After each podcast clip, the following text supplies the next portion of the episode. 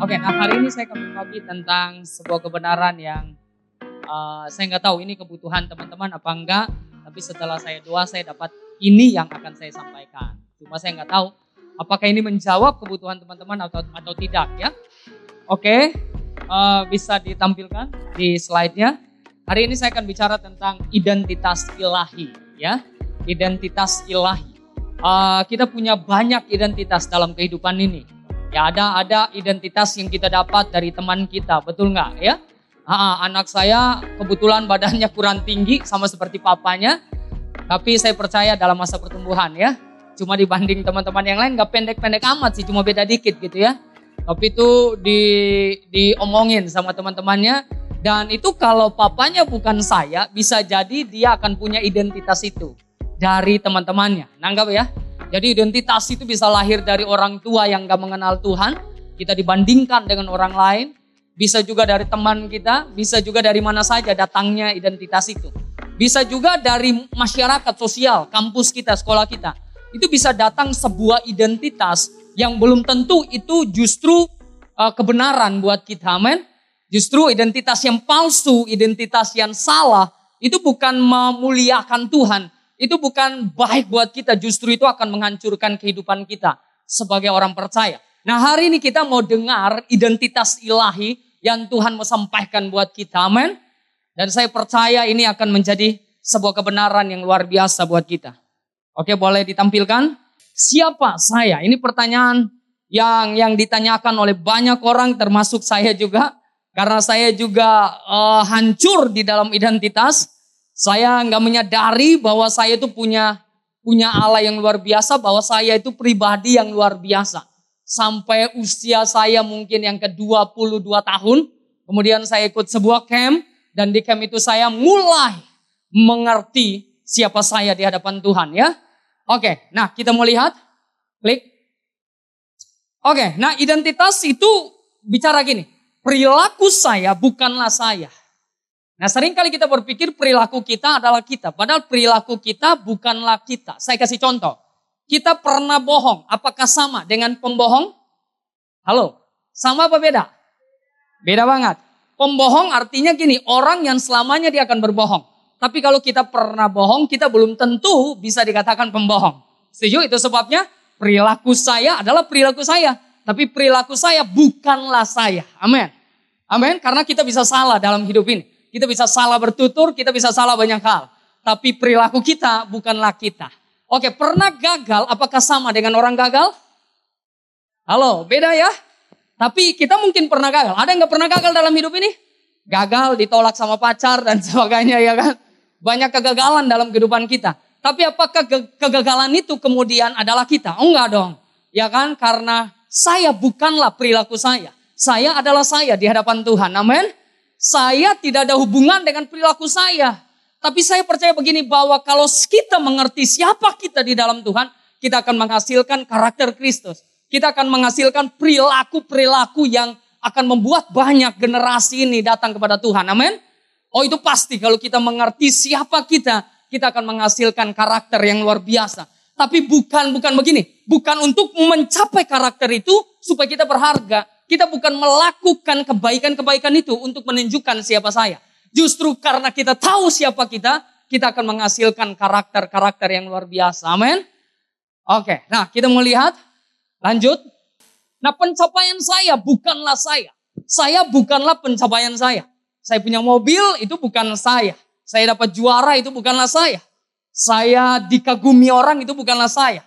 Kita diakui orang itu bukanlah saya. Karena semua yang kita miliki itu bisa saja hilang suatu waktu. Betul? Satu kali kita bisa punya mobil, tapi suatu waktu kita bisa punya mobil itu hilang juga. Betul nggak? Nah ketika mobil itu hilang, ya kan mobil itu nggak ada prestasi. Tadi mungkin prestasi. Kita bisa saja nomor satu kan. Tapi tahun depan belum tentu kita nomor satu. Betul? Bisa saja nomor dua, nomor tiga. Bahkan mungkin bisa nggak ada nomornya gitu kan. Nah kita bisa saja dikagumin orang. Kita bisa saja dibilang begini, lu keren banget, lu mantap banget. Oh, kerjaan lu top banget, pencapaian lu top banget. Tapi mungkin satu bulan ke depan orang yang sama bisa ngomong yang yang yang berbeda dengan omongan dia bulan lalu, betul nggak? Nah itu sebabnya semua itu bukanlah kita. Karena semua itu bisa ada dan semua itu bisa nggak ada. Semua itu bisa datang dan semua itu bisa bisa pergi lagi. Itu sebabnya begini, kita adalah kita, saya adalah saya. Ya, saya adalah saya di hadapan Tuhan. Ini keren banget, ya kan? Coba kasih tahu samping, samping kanan kirinya, kamu adalah kamu gitu, udah titik deh. Oke, kita bukanlah apa-apa yang kita capai itu bukan kita. Sebab apa yang kita capai itu bisa hilang, amin. Bisa enggak ada. Nah sekarang kita mau belajar dalam lima jam ke depan. Amin saudaraku. Teman-teman lima jam ke depan, siap? Yang siap katakan asik. Siap lima jam? Oke. Oke kita lanjut, lanjut, lanjut. Bukan bukan cuma kalian yang pusing, gue juga yang pusing ya kan. Lu mau ngomong apa lima jam coba? Oke next. Oke kita mau belajar sama-sama dari kebenaran. Karena kebenaran, kita akan tahu siapa diri kita dari kebenaran, betul? Kebenaran adalah cerminan kita. Haleluya. Kita baca 1 Petrus 1 ayat 3 sama-sama. 3, 2, 1. Wih, katakan sama-sama gini. Wih. Katakan sama-sama wow. Saudara baca ayat ini biasa aja gitu. Biasa. Oh luar biasa banget. Bukan biasa. Nanti saya akan kupas nih. Alkitab berkata kita telah dilahirkan kembali. Oleh siapa? Oleh Yesus. Ya kan? Kepada suatu kehidupan yang penuh dengan pengharapan. Ada banyak hidup di dunia ini. Tapi banyak kehidupan yang tanpa sebuah pengharapan. Betul? Ada banyak kehidupan di dunia ini, tapi kehidupan yang benar-benar menghidupkan itu nggak ada, cuma ada di dalam Yesus. Itu sebabnya Yesus bilang begini, aku datang supaya engkau punya hidup dan hidup yang menghidupkan orang lain. Amin. Nah itu dia, ya kan? Nah jadi bukan biasa, tapi luar biasa ayat-ayat ini. Nah waktu saya sampaikan kebenaran, Tuhan ingatin saya gini. Kebenaran yang diberikan kepada orang yang tidak mencintai kebenaran kebenaran itu hanyalah sesuatu yang dianggap sampah. Karena memang dia nggak mencintai kebenaran. Tapi ketika kebenaran itu diberikan kepada seseorang yang mencintai kebenaran, yang mempercayai kebenaran, maka kebenaran itu akan mengubah hidupnya. Dan bukan cuma mengubah hidupnya, tapi akan mengubah sekelilingnya. Yang percaya dengan saya katakan asik. Amin. Nah Alkitab berkata gini. Coba next lagi. Jadi saya akan sampaikan fokusnya ke sini teman-teman. Bahwa kekristenan itu bukan perubahan hidup. Tapi kekristenan adalah pertukaran hidup. Mak, apa maksudnya sih Karinto pertukaran sama perubahan? Saya jelaskan ya. Kalau perubahan tuh kayak gini. Ini rinto langitan. Rinto langitan ketemu Yesus. Ya dan saya diubahkan pelan-pelan. Saya tetap rinto dan saya diubahkan pelan-pelan dari dari nggak benar jadi benar, lebih benar, lebih benar sampai serupa segambar dengan Yesus. Ini namanya perubahan hidup. Tetapi Alkitab tidak mengajarkan kita perubahan hidup. Alkitab mengajarkan pertukaran hidup. Waktu saya terima Yesus, hidup saya yang lama mati. Alkitab berkata amin. Dan kemudian setelah mati apa? Dikuburkan. Berarti kita masih ada? Udah nggak ada. Lalu kemudian kita bangkit. Yang bangkit siapa? Yang bangkit siapa di dalam kita? Yang bangkit adalah Yesus yang hidup di dalam kita. Bukan lagi kita. Sehingga Alkitab itu eh, kekristenan bukan berkata perubahan hidup. Tetapi pertukaran hidup. Oke. Nah kita mau lihat satu ayat supaya kita nggak bingung. Ini memang sebuah pernyataan yang agak berat gitu kan. Tapi saya mempercayai bahwa kekristenan bukan perubahan. Tapi kekristenan adalah pertukaran. Mungkin saya kasih satu pernyataan supaya kita bisa dapat ya. Teman-teman Yesus berkata gini, bahwa terang dan gelap tidak bisa bersatu. Setuju? Karena memang keduanya punya DNA yang berbeda. Satu terang, satu gelap. Disatukan gak akan pernah bisa. Tapi Alkitab juga bilang begini, waktu kamu terima Yesus, kamu sudah dipindahkan dari gelap kepada terang. Pertanyaan saya, kok bisa terang dan gelap gak bisa bersatu tapi bisa dipindahkan? Jadi sebenarnya kita itu bukan diubahkan lagi, bukan perubahan lagi. Tapi ditukar. Dari lu tadi gelap, langsung secara ekstrim, gitu lu jadi terang sekarang.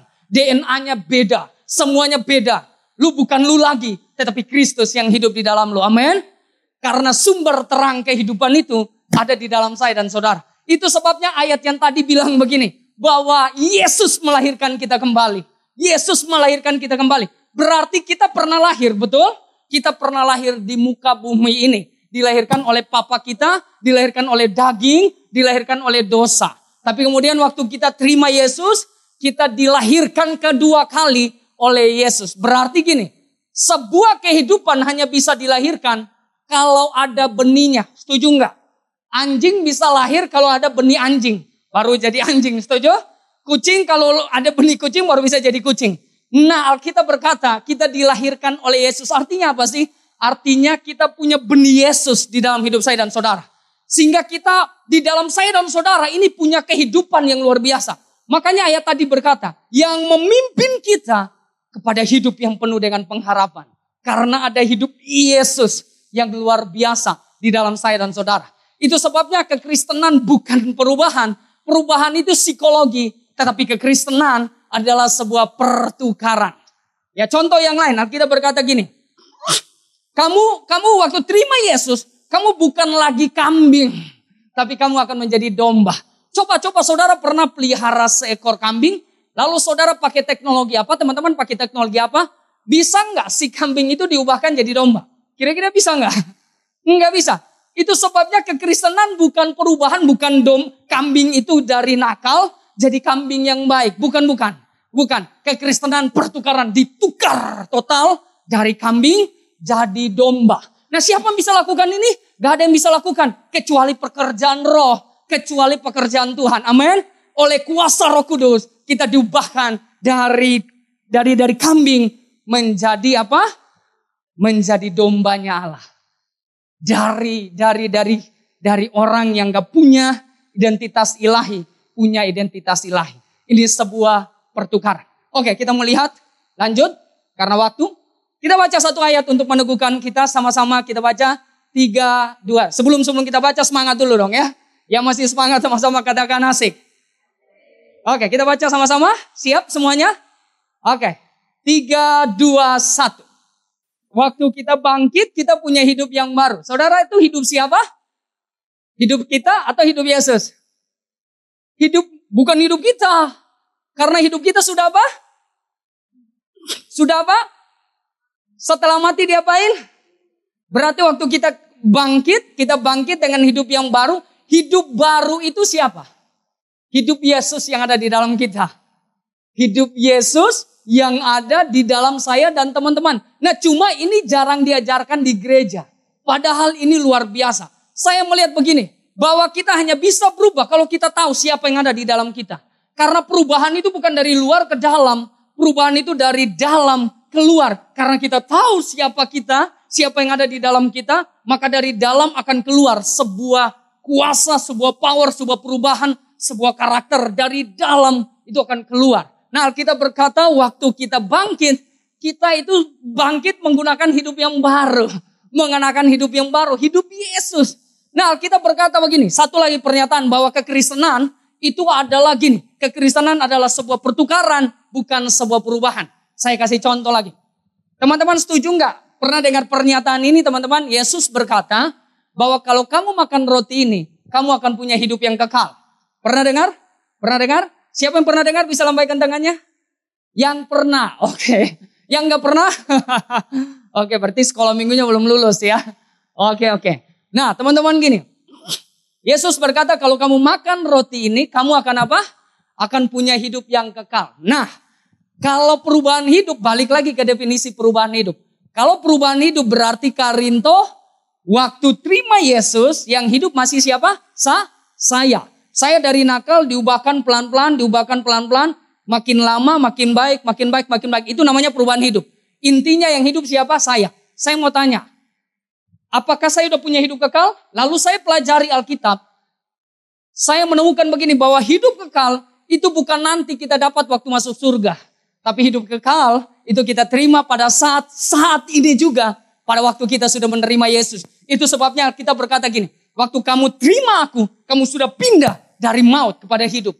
Kamu sudah pindah dari kebinasaan kepada hidup yang kekal. Nah, berarti gini, berarti Alkitab berkata kalau kalau kita akan mengenakan hidup kekal itu bukan nanti masuk surga, tapi saat ini. Pertanyaan saya, kalau saya yang hidup, saya udah punya hidup yang kekal belum?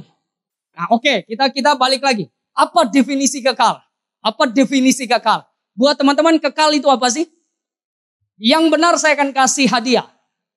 Menurut teman-teman kekal itu apa? Kekal itu apa? Selama-lamanya good. Tapi uh, 50% benar. Kasih tepuk tangan dong. ya.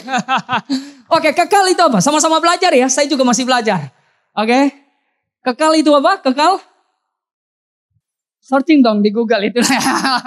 Generasi sekarang kan apa-apa semua tanya Mbak Google. KBBI. Wah, sekarang canggih-canggih generasi ini. Kita salah ngomong di depan lewat kita ya kan? Oke. Apa definisi kekal? Yes, itulah hidup kekal kan? Nah, sekarang gini teman-teman, definisi dari kekal tadi dibilang selama-lamanya. Ada yang bilang sama saya, Kak, kekal itu abadi. Saya bilang, gue juga tahu nama lain daripada kekal ya abadi. Yang saya tanya abadi itu apa gitu. selama-lamanya itu nama lain dari kekal juga. Yang saya tanya selama-lamanya itu apa? Waktu saya pelajari cuma satu definisi kekal. Dengar baik-baik. Ini ini penting supaya teman-teman gak goyang imannya. Definisi kekal adalah gini sesuatu yang tidak ada awal dan tidak ada akhirnya. Itu sebabnya hanya Yesus yang punya hidup yang kekal. Karena dia nggak ada awal dan nggak ada akhir. Kalau saya yang hidup, saya punya awal, saya punya akhir. Berarti saya belum mengenakan hidup yang kekal. Padahal tadi brother kita baca ayat itu. Waktu kita terima Yesus, kita terima hidup yang kekal. Berarti belum kekal dong kalau perubahan hidup. Itu sebabnya yang benar yang kita ajarkan kepada kita adalah pertukaran hidup. Waktu saya terima Yesus, asal sungguh-sungguh ya, asal sungguh-sungguh, jangan ragu. Ya, waktu kita terima Yesus, pada saat itu juga saya sudah apa? Sudah mati, sudah dikuburkan dan saya bangkit mengenakan hidup yang baru. Dalam terjemahan Alkitab ini, bahasa asli dari hidup yang baru adalah hidup Kristus itu sendiri. Atau di, bisa dikatakan hidup yang kekal. Wow, jadi jadi waktu saya udah mati, saya udah dikuburkan, Yesus yang hidup. Nah sekarang di dalam saya, itu sebabnya Paulus berkata, bukan lagi siapa yang hidup, dia yang hidup. Tapi siapa yang hidup? Yesus. Nah itu sebabnya kekristenan bicara bukan perubahan hidup, tapi pertukaran. Oke, terus teman-teman bilang begini, Karinto, kan ada di Roma 12 ayat 1, tetapi berubahlah oleh pembaharuan. Eh yang dirubah bukan perbuatan. Yang dirubah bukan fisik kita. Yang dirubah bukan roh kita. Yang dirubah adalah pola pikir kita untuk memahami ini. Dari pola pikir pertuka, perubahan kepada pola pikir pertukaran. Dari pola pikir yang salah kepada pola pikir yang benar. Jadi yang dirubah adalah pola pikir, bukan perbuatan kita. Amin. Oke, mulai nangkap ya. Ah, udah mau selesai. Klik. Boleh tolong klik? Lima menit lagi selesai. Oke.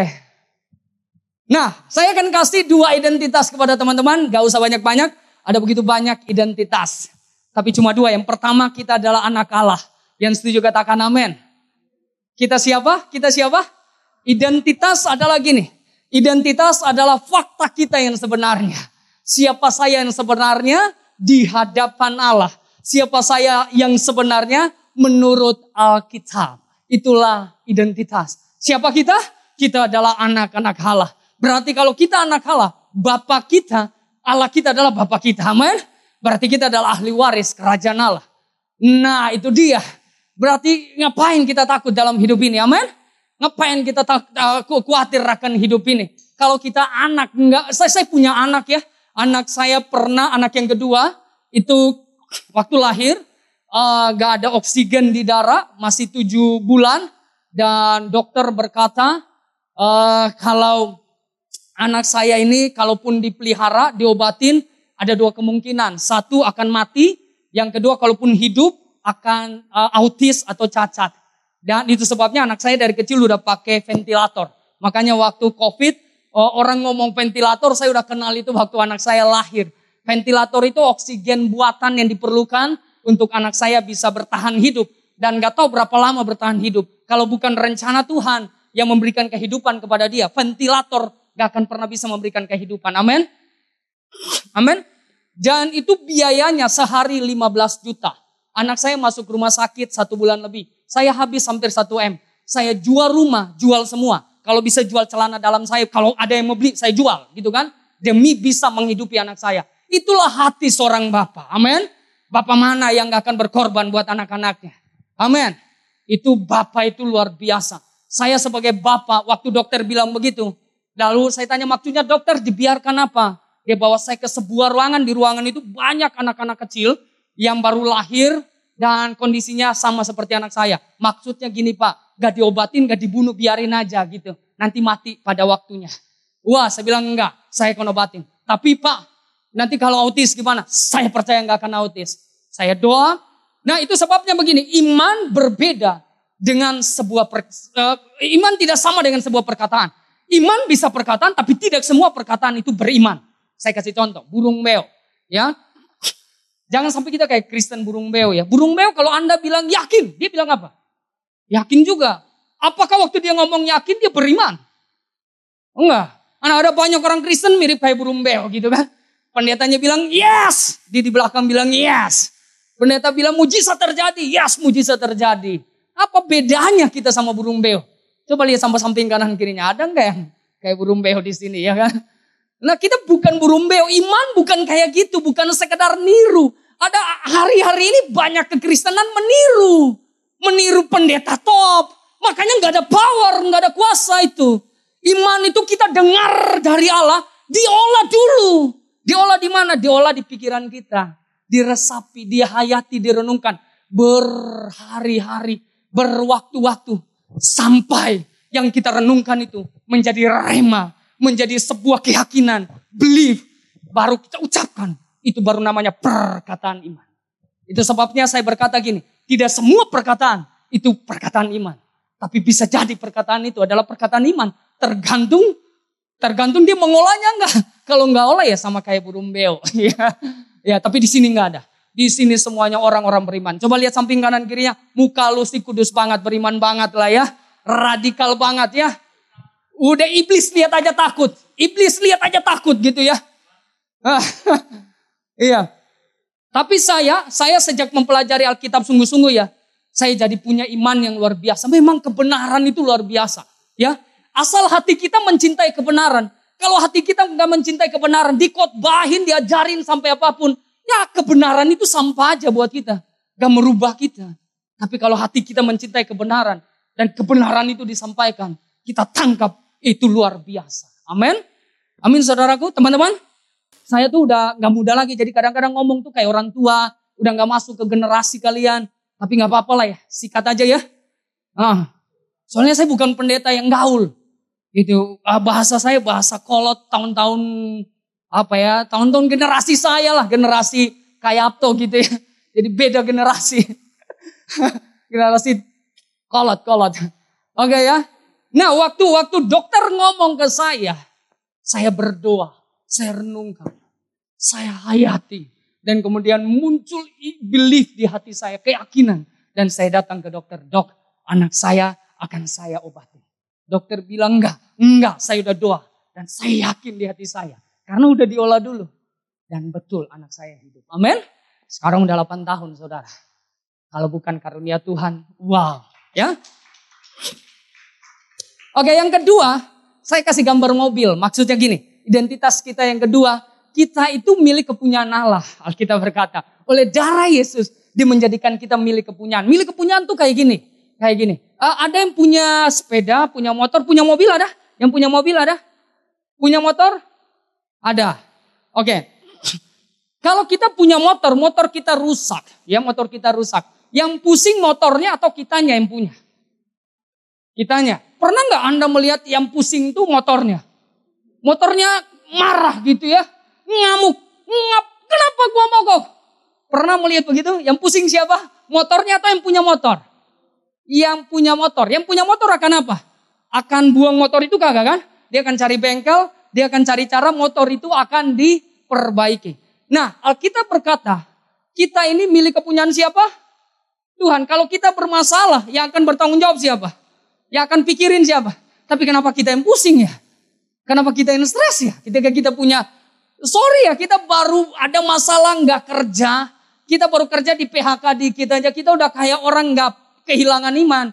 Itu sebabnya kita harus punya pemahaman yang benar tentang Alkitab bahwa Abraham diberkati Allah gak ada hubungannya dengan situasi ekonomi politik. Pada saat itu di, di, di padang gurun gak ada sumur ya kan. Tapi waktu dia bawa ternaknya Tuhan bisa bikin sumur di situ. Iman sih makanya Kita nggak boleh lagi hidup di dunia ini tanpa sebuah iman. Iman bukan berarti konyol, enggak, enggak, enggak. Iman itu itu rasional sekali. Tapi kadang-kadang memang di luar rasional kita, tapi dalam rasionalnya Allah. Memang iman itu kayak gitu sih ya. Rada-rada antik sih memang. Tapi kita nggak bisa hidup dengan dengan logika. Kita mesti hidup dengan logika ilahi, bukan logika manusia gitu kan. karena karena berbeda sekali antara hikmat Allah dengan hikmat dunia ini. Nah kita milik kepunyaan Allah. Waktu saya sadar ini saya anak, saya milik kepunyaan. Gila, gue mau dibilang pendek, mau dibilang apa. Gak ngaruh siapa gue ya kan. Gue itu berharga sempurna, gue itu udah di dalam Yesus. Kalau gue di dalam Yesus tuh kayak gini gitu kan. Ini Yesus gitu ya. Nah ini saya gitu. Ini Yesus. Ah ini Yesus. Ini saya. Saya dulu dibilang jelek. Uh, gak bisa khotbah. Uh, apa ya. Nakal. Uh, pendek apalagi kurus, ceking, semua yang jelek. Waktu gua terima Yesus, Alkitab berkata, saya di dalam dia. Waktu saya di dalam dia, yang dilihat siapa sebenarnya? Yang dilihat siapa? Yesus. Yesus keren gak sih? Lebih keren dari aktor mana pun loh. Karena dia menciptakan wajah seseorang, betul kan? Dia tinggal milih aja gue mau jadi kayak ini jadi ya. Gak ada orang yang lebih ganteng dari dia. Gak ada orang yang lebih sempurna dari dia. Nah bukan kita lagi yang dilihat. Karena Kristus yang dilihat ganti kita. Wih keren banget kan? Betapa berharganya kita.